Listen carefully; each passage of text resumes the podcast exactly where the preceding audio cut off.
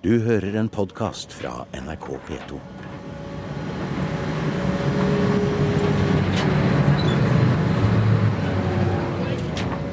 Vi er om bord på hurtigbåten fra Harstad til Bjarkøy. Vi passerer Grytøya, går over Kvernsundet, og vår guide, fylkeskonservatoren i Troms fylke, Anne Karine Sandmo, peker ut stenalderboplasser og historiske steder langs hele leia.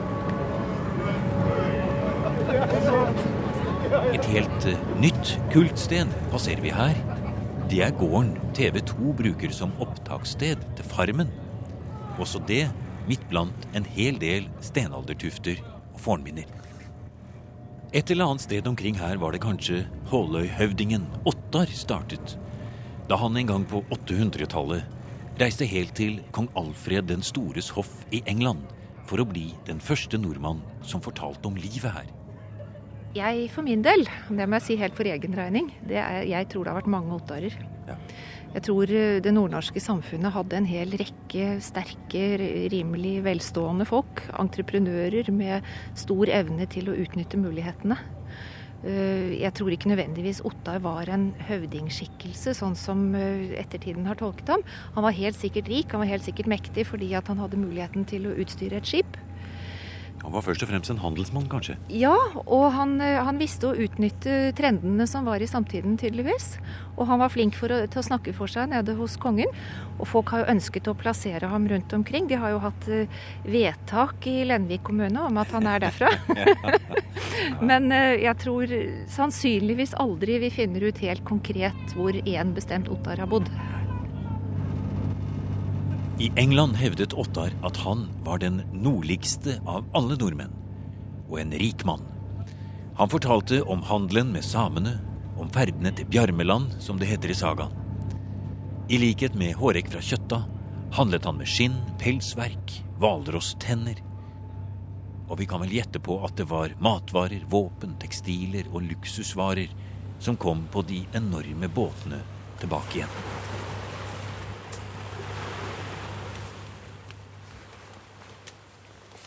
Det, veldig, det virker veldig ekspansivt. Det virker eh, som vi har store gårder. og En del av de antar jo enorme størrelser. I Lofoten kjenner vi jo på Borg, der vi har et enormt stort hus borti 80 meter. Og eh, når vi ser på antallet naustufter og sånt her i området, så er det høyt. Og her finnes altså naustufter i vårt område som er 40 meter lange. Og det betyr at de har hatt skip som har vært betydelig større enn Ormen Lange, f.eks. Og den vet vi jo. Det var jo en kopi av Rauden Ramme i, i Salten sitt skip. Og eh, det ble jo egentlig standard krigsskipet i hele Skandinavia utover. Så mye av den teknologien kommer fra den nordlige landsdelen, ser det ut til. Dette er Ole Furseth, direktør på Trondenes distriktsmuseum utenfor Harstad. Han står klar til å ta oss med inn i restene av et stort skipsnaust. En bygning som til og med er nevnt i Snorre.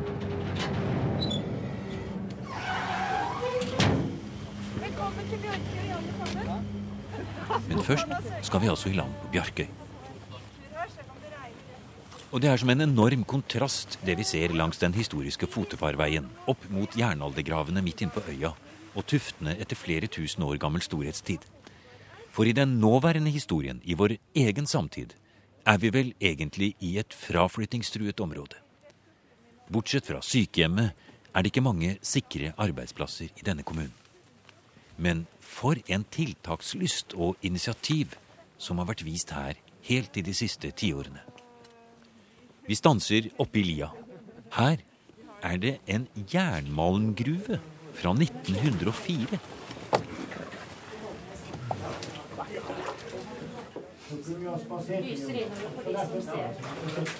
Sånn der har du. Der har du. Ja. Det er jo i grunnen lite som er rydda veggen etter alle disse årene. Har vi gått innover, så har vi faktisk, eller kunne ha gått innover, så har vi faktisk sett eh, sporene etter kinen og, og, eh, og svinna. Hvordan var det de drev videre innover her? Var det med varme, eller var det med Nei, altså, det var med mitt. Det var med mye dynamitt. Ja. Ja, det var med dynamitt. Her skulle det gå unna. Ja da, eh, her skulle det gå unna. Hvor langt er det innover her? Altså, jeg har ikke målt, men jeg kan uh, bare uh, kanskje gjette på at det er ca. 40 meter til, til en, en der. Var det lønnsom drift her noen gang i det hele tatt, tror du? Nei, det var Det er jo ganske store slagghauger her. Ja. Det må jo mange være som jobber her, tror du, på det meste? Eh, ca. 40 personer. Ja, mye av dette er jo tatt ut med håndmakt, vil jeg tro. Ja da, det, det er det gjort. Det er bare håndmakt som har vært brukt her. Og, og uh, Svær ørn, ja. det der er bare én. to. Litt lenger ut så har du fått sett 30. ja, men eh, skal vi vandre videre, da? Det er den lokalkjente Rasmus Bendiksen som ikke lar seg affisere av et par ørner. Han stanser ved et av kystens monumenter. En stor garntørke. En av de aller siste intakte av sitt slag i hele Nord-Norge. I midten på den der som, så hengte du nøttene. De gikk over de rullene som du ser i, i frammerkanten. Og så, gikk de da, så sto det da eh, folk med en, eh, en eh, spøle, kaltes det for. Men det var en, en rund stokk eh, på en halvannen meter. Som gikk imellom de der som nota skulle henge. Og så, og så eh, sto de klare, og så tok de i bukta, og, og så førte de da, da det innover. Når du ser det står der, helt øde og forlatt, og det henger noen i stykkerevne garnbiter og slenger inni deg, det må kanskje være trist å se på? Ja, det er trist å se på. fordi at eh, jeg starta her, i, eh, her ute i 53. Da begynte jeg på, på NOT, jeg, jeg som mange andre ungdommer. Og eh, vi var, var med på å henge nøtter her, og så ser vi det, hvordan det ser ut i dag. Så det er trist. Ja. Det er veldig trist. og det står jo faktisk for nedfall, det her. Det er jo ingen som tar vare på det hittil, iallfall. Så Det er kanskje like viktig å ta vare på det som på, på gruva og på jernaldergravene også, for dette er jo moderne samtidshistorie. Altså, eh, På lik linje med, med, med det du har nevnt, så er dette historien vår. Det tilhører historien fra, fra 1950-åra. Ja. Og det, vi, skal, vi må ikke glemme den heller. I, i 1950 og den tida så, så var det jo eh, Det var jo eh, eh, Ja, det var gullalder for, for, for, eh, for folket da, med, med det sildfisket. Det var jo Du begynte jo om, om høsten på på, eh, på feitsildfiske her rundt i fjordene her oppe. Og så når du kom til, da, til januar, så var det å ruste seg ut og, fare på storsildfiske. Og når du var ferdig med storsildfiske, så kom du hjem, og så var det bare å, å, og ruste seg ut og fare på, på, eh, på lodjefiske på Finnmarka. Og så kom de da, da hjem, og, og så eh, lå de i ro ei stund, og hørte dem da eh, om litt sild, så var det ut eh, på sånn vårsildfiske. Så, så hele tida så var der, eh, så, så var der fart i det. De garnbåtene som hørte til her, er de senka like her ute? Der er noen som er senka litt, litt eh, lenger ut, som ble kondemnert. Og de ligger ut eh, med en, en holme litt lenger ut. Det var omstillingstilskudd og sånn da. Ja da, det var, de skulle bort. De, det, det, det var ikke mulig å bruke. Men, men hva ble det omstilling til? Ja, det ble omstilling til det som vi ser i dag, og det er dødt. Og svart, ja. Det, det, det, det var det som omstillinga skapte. Men eh, det skulle vel være sånn.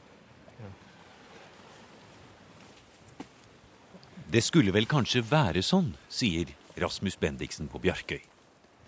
Sammen med fylkeskonservator Anne Karine Sandmo tar han oss med fra samtidshistorie til de dypeste historiske røttene vi i det hele tatt har her i landet. På det som i brosjyrene heter Det historiske øyriket, Sagaøya i det norrøne grenselandet. Vi går fra en nausttuft fra vikingtiden som har rommet en båt som var større enn Gokstadskipet. Vi ser middelalderkirken. Vi går i historiske fotefar etter jernalderbosetting og på dype kulturlag. Midt inne på øya ligger Frihågen, et høydedrag med stor utsikt, men som egentlig er en hellig lund fra jernalderen. Vi skal opp den bakken nå, og starter ved et flott restaurert gårdstun. Og her, Altså, se på det tømmeret her. Nå går vi helt inntil en gammel låve. Går vi under låvebrua her. Og vi er nå helt innunder, og her ser vi at det er gammelt og ordentlig. Altså, se på det tømmeret her. Dimensjonene her. Det må jo, ja Bare det som er skåret ut der, må jo være en 40-50 cm. Ja, det er Tenk deg det voldsomme ja. Tungt, vet du. Ja. Og det, hvor har det kommet fra, det tømmeret der? da? Det er jo ikke så mye trær rundt her sånn nå. Nei, det, og det er jo også noe vi har lurt på her, da, hvor det er kommet fra. Men mest sannsynlige forklaringen det er at det er russetømmer. Og russetømmer det var jo ofte tømmer som falt av lasten på de store skipslastene med tømmer som gikk fra Nordøst-Russland. Kom fra Sibir, dette her, altså. Ja, mye av det kom fra Sibir, og det vi finner jo også fortsatt en dag i dag i fjæra tømmerstokker fra Sibir. Nå er vi på vei oppover i lia her, bak denne fantastiske låven vi snakket om. For nå skal vi komme opp denne bakken her, og her ligger det et flott jernaldergravfelt. Og nå må du forklare oss litt forskjellen på hvordan man tenkte gravminner i denne landsdelen mot sydligere deler av Norge, hvor vi kjenner disse røysene som ligger fritt og åpent i terrenget og dominerer kanskje en skipslei f.eks. Men sånn var det ikke her. Nei, det ser ut som landskapet i seg selv har hatt en betydning for plasseringen av gravene. Det har ikke vært nødvendig å gjøre gravene så store og synlige. Fordi at de har valgt ut steder som har vært synlige i seg selv. Og så tror jeg at det må ha vært en, eh, en ganske stor kunnskap i befolkningen om disse stedene. Jeg tror ikke det har vært eh, Det har ikke vært sånn at du har kommet tilfeldig langs leia og sagt 'Å nei, se der er en gravrøys'. Men du har visst hva dette landskapet har betydd. Ja, Nettopp. For det landskapet vi ser Nå har vi kommet litt lenger. Vi går jo oppover her, og landskapet kommer jo også bokstavelig talt mer fram her nå. Og vi ser det er eh, høye fjell, flotte små jorder som ligger helt ned til skipsleia her. Og det går altså trafikk på begge sider av Bjarkøy her. Så her må man kunne ha sett disse flotte formasjonene fra både på sydgående og nordgående, nær sagt, for å snakke hurtigrutespråk. Men det har jo på en måte vært eh, hovedfartsleden forbi her som vi står nå, i all tid. Ja, det har det vært. Og de som har blitt begravd her oppe, de har kunnet følge med på alle kanter. De har kunnet følge med på havet, og de har kunnet se rett ned på gården som ligger rett nedenfor her. Ja. Det store sentralområdet på Bjarkøy ligger jo rett nedfor denne gravplassen. Og så har du en annen eh, ting ved gravplassen her som også er ganske vanlig, nemlig at den ligger i grensen mellom innmark og utmark. Ja. Den markerer på en måte overgangen fra, det, eh, fra menneskenes liv til naturens liv. Og her har vi jo den store, bratte ura rett bak, som er det mer det, det ville og ugjestmilde. Eh, Gravene ligger jo helt på toppen av høydedraget her. Akkurat, ja. Og sånn som de ligger nå, så ser du dem jo omtrent ikke hvis du ikke har med deg en som vet hvor de er. ja. Det er fint vi har med deg, da. Ja. Eh, og det er jo selvfølgelig fordi at her er det gress og, og busker og kratt på mye av det. Men da disse gravene var nye, så tror jeg de må ha ligget som, eh, som sånne små smykker innover i landskapet. Fordi at her er det ikke bare tilfeldig stein lagt oppå hverandre. De er lagt flatt, pent, jevnt, stein for stein, rundt som, eh, som perler i et kjede. I konsentriske ringer, mange av dem utenpå hverandre. Men dette med hvordan man laget selve utformingen av gravene, du nevnte disse ringene, så var det også slik at man eh, har jo funnet fordypninger i, i jernaldergravene, og så har man kanskje en periode trodd at det har vært eh, eh, gravrøverier osv., men det er ikke sikkert.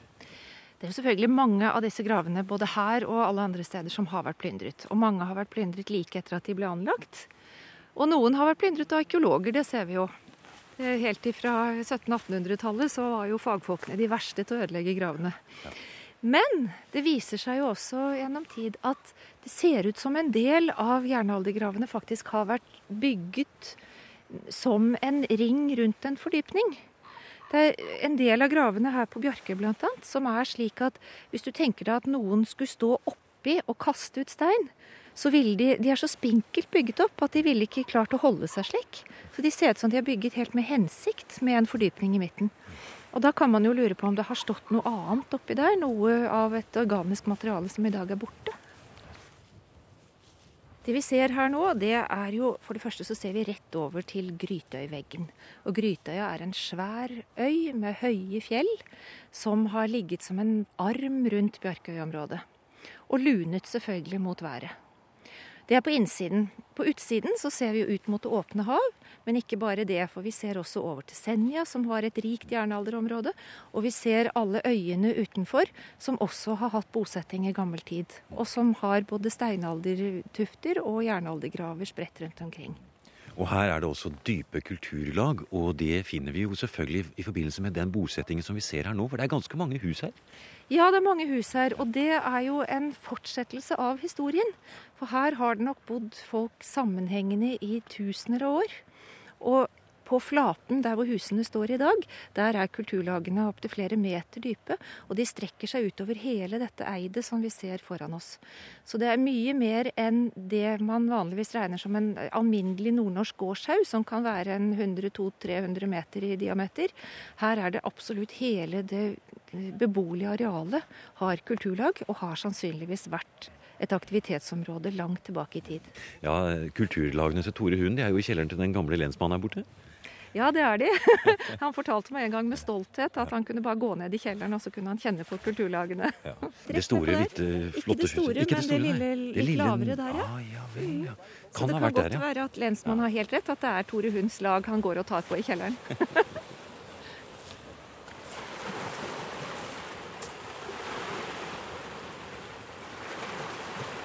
Og hvis gammellensmannen på Bjarkøy har Tore Hund i kjelleren, så har direktøren på Trondernes distriktsmuseum like utenfor Harstad kanskje også sine ord i behold når han sier han vil ta oss med inn i et hus som faktisk står beskrevet i Snorre.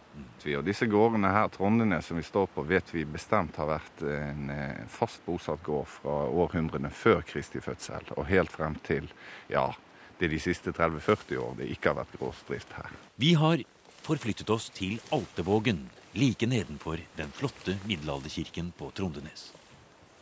Ole Furseth har fortalt om broren til Tore Hund, som bodde her mange ganger til besøkende.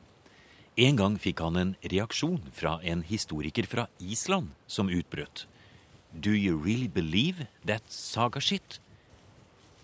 Men vi vil gjerne tro på det, og er villige til å la Furseth ta oss med tilbake i tiden og la teppet gå opp for Snorres persongalleri. De eh, personene som trer frem der på begynnelsen av 1000-tallet, er han, eh, han, Sigurd på Trondnes. Han var bror til den mer vidgjetne Tore Hund i, i landssammenheng. Ja. Men på hjemmebane, skriver Snorre, så var disse her jernstore karer. Ja. Og han Sigurd han hentet jo seg en fin kone, intet mindre enn eh, søstera til Erling på Sola, han Erling Skjalgsson. Og det Grunnen til at vi snakker om det, det er at du har tenkt å vise oss noe her som er en liten attraksjon her på Trondernes. Fordi at det hender du sier til besøkende her at du vil ta dem med inn i en bygning som er omtalt i Snorre. Og Hva slags bygning er det vi snakker om? Ja, vi snakker om et eh, nausttuft, altså etter et langskipnaust. Egentlig er det to nausttufter her. Og disse knytter vi sammen til den delen av eh, Snorres eh, saga om Olav den hellige som handler om eh, han Asbjørn på Trondnes, sønnen til denne Sigurd som vi nevnte. Og eh, Han ble nektet å kjøpe korn og kunne dermed ikke utføre sine plikter som høvding ved å holde blot og sånn, og dro sørover for å kjøpe seg korn. Og Da skriver Snorre han hadde en byrding, altså et eh, fartøy som eh, vil for de fleste kunne sammenlignes med Saga Sigla, som burde være kjent for mange. og Da gikk vi nettopp forbi en nausttuft som da passer egentlig perfekt en sånn. Var det her han hadde båten sin? Ja, han hadde det. Han, eh, Snorre skriver at han Asbjørn da han ikke fikk kjøpt korn på den første turen og ble, ble fornedret av han Tore Sel på Karmøy og ble sendt hjem i skam og satt inne hele vinteren. Året etter skulle han hevne seg. Og eh, tar da frem langskipet sitt. Og Snorre skriver Asbjørn hadde et langskip, det sto i et stort naust. Og her står vi ved et langskipsnaust. Det er 30 meter langt, det er 4-5 meter bredt innvendig. Det har vært to arkeologiske utgravinger her som begge har bekreftet at dette var i bruk på 1000-tallet. Men hvis vi nå går igjen innover og oppover på langs eh, naustveggene her, Furseth, så kan du prøve å beskrive for oss hvordan det kan ha vært her når man skulle f.eks. legge ut på den reisen som vi vet ble ganske skjebnesvanger for eh, det skipet som har stått i dette naustet, og skipperen om bord der. Men før vi får høre om den reisen, så vil jeg at du skal fortelle oss Nå står vi her oppe på toppen av vollen her. Vi ser utover her, og her er det jo gjort flere funn. Her vet vi at det er tufter og andre ting. Det er gjort også konkrete funn. Hvordan kan det ha sett ut her omkring år 1000 f.eks.? Åh, det er spennende å tenke på. Snorre skriver at han hadde 90 mann med seg av Asbjørn når han dro ut med langskipet sitt. Og Det betyr jo kanskje det dobbelte antallet her som var med her og gjorde i stand. Og hester og mat og koner og barn og andre småbåter som ikke hadde naus, selvfølgelig. Vi får anta han hadde flere skip. Det har vært et veldig spennende område. Vi hadde en liten arkeologisk utgraving her etter noen bronsealderfunn som eh, og Der fant vi òg jernaldermateriale. Masse bryner, og det er tydeligvis en plass der man har sittet og gjort litt brynearbeid. Kanskje av sverd og kniver før man skulle dra. Ja, nettopp.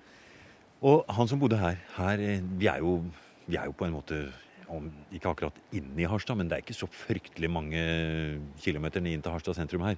Og på denne øya som vi er nå. Men det var egentlig ikke her den virkelige goden satt. Altså den store høvdingen på, på den tiden, for det var faktisk litt lenger ute. Ja, Tore Hund var regnet som den eh, store av disse. Han bodde ute på Bjarkøy, som, nå, som ligger der eh, vel bevart mye av de naustufter og, og gravhauger der ute også. Her på Trondnes ligger det noen få gravrøyser, mindre type gravrøyser mellom naustuftene. Det er vanskelig å knytte de til høvdingeslekten. Men mellom her og Grytøy ligger det en liten øy som heter Kjeøya, der det er en rekke store graver. Og vi kan tenke oss at gravstedet for Trondnes folk gjennom et par tusen år har vært ute på den, altså en gravholme. Og vi lar blikket vandre over fjorden og landskapet. Nå ser vi en gravholme, jernalderbosettinger og et område fullt av fornminner. Men først og fremst ser vi den enorme båten til Asbjørn Selsbane, som kommer inn her med 90 mann og skal opp i naustet. Og nå vil vi høre mer om mannen som førte skipet. Sønnen til Sigurd, Asbjørn, som etter å ha blitt sendt hjem fra kongsgården til Olav Digre på Avaldsnes, ribbet for last og seil og med stor skam, satt her ved naustet sitt og var mindre glad. Han pønsket på hevn og mente at så lenge han satt rolig, så langt mot nord, var han utenfor kongens lange arm. Ja, det var jo det, var det han trodde, han Asbjørn. For på sin andre tur da med Langskipet så dro han sørover og kledde seg ut som fattig tigger og gikk over Karmøya og inn i gildehallen til han Tore Sel, som sto og fortalte kongen som satt til bords i høysetet, om da han tok seilet og lasten fra den unge håleghøvdingen Asbjørn på Trondenes. Og da kokte det over for han Asbjørn, og han hogga hodet av han Tore Sel. Og hodet faller på bordet, og kroppen faller på beina, og det er blod overalt. Og eh, han ilegges da dødsstraff. Eh, men han har venner, som vi hørte Erling Charlesson på Sola, hans onkel. Så han eh, de klarer å forpurre planene om denne dødsstraffen inntil påskedagen går inn. Og da klarer de å holde det unna én dag til, for han, Olaf den hellige skulle jo holde kristenretten. Så på kirkebaken da, denne påskemorgen, når kongen kommer ut av kirka, så står Erling Sjagsson med 1500 vel mann på kirkebakken og spør om Asbjørn kan gå fri. Og eh, straffen til han Asbjørn da, når han slipper dødsstraffen, det er at han skal bli kongens mann på Karmøy. Og så skal selvfølgelig kongen sette inn sin mann her på Trondenes, og da får han jo selvfølgelig kontroll på begge plasser. Men Asbjørn får dra hjem igjen og møter da sin onkel Tore Hund. Han var flink å snu kappa etter vinden, det vet vi. Han var med kongen og han var mot kongen i diverse perioder. Men eh, han gir da Asbjørn råd nettopp ut fra det du sa. Nå er du så langt unna, og vi er såpass mektige sjøl, vi bryr oss ikke om hva kongen sier. Og det må vel være antagelig Furseth, den uh, siste gangen hvor dette skipet som sto her, akkurat her vi står nå, kom opp og gikk inn her når han da uh, var her for å ordne opp i sakene sine, skulle vende ned igjen til Avaldsnes. En tur han altså ikke tok. Eh, fordi at eh, han ble jo ikke så veldig mye eldre. Nei, han ble ingen gammel mann. Han, eh, neste vår så traff han, han en av kongens menn fra Vesterålen som så han og kastet et spyd fra det ene skipet til det andre. og Mens han, han satt i båten som vi liksom snakker om her? Ja, han satt og styrte han der. Han sier at er det ikke han Asbjørn som sitter med styrvolen der i en blå kjortel? Jeg skal farge den kjortelen rød, sier han. Så kaster han spydet over her. Og Så bringes han i land her under sterke følelser av hans mor, som da beviselig, ut fra den sagateksten, har ha vært en meget mektig person her. Hun tar dette spydet, og så maner hun selveste Tore Hund. Må vel ha stått rett der borte da, tenker jeg. Ja, På Altevågheller der borte, en liten, liten knaus som han sikkert la til ved mindre det. Og da tar hun dette spydet og løfter det opp og sier til selveste Tore Hund foran da alle, da er alle her, regner jeg med, fra alle bygder når han blir brakt i land, og sier at du blir hver om du ikke slepte det spjotet som det sto i bringeren på Olav Digre. Altså, du må hevne drapet på sønnen min. Så går det noen år, og de fleste vet vel at Tore var en av de tre som ga kongen barnesår på Stiklestad. Så slaget ved Stiklestad, Furseth, det begynner her, det? Ja, noen sier det. på en måte. Men, det, men altså, dette er jo en plass som da havner inn i, i storpolitikken. Og ser vi litt mer litteraturhistorisk på det, så er Asbjørn-delen av Snorre sin kongesaga om Olaf det er både et midtpunkt og et vendepunkt, og til dels et høydepunkt i dette. Du har nå hørt programmet Museum som podkast fra NRK. Museum sendes i NRK P2 på lørdager og søndager. Du finner flere programmer på nrk.no podkast.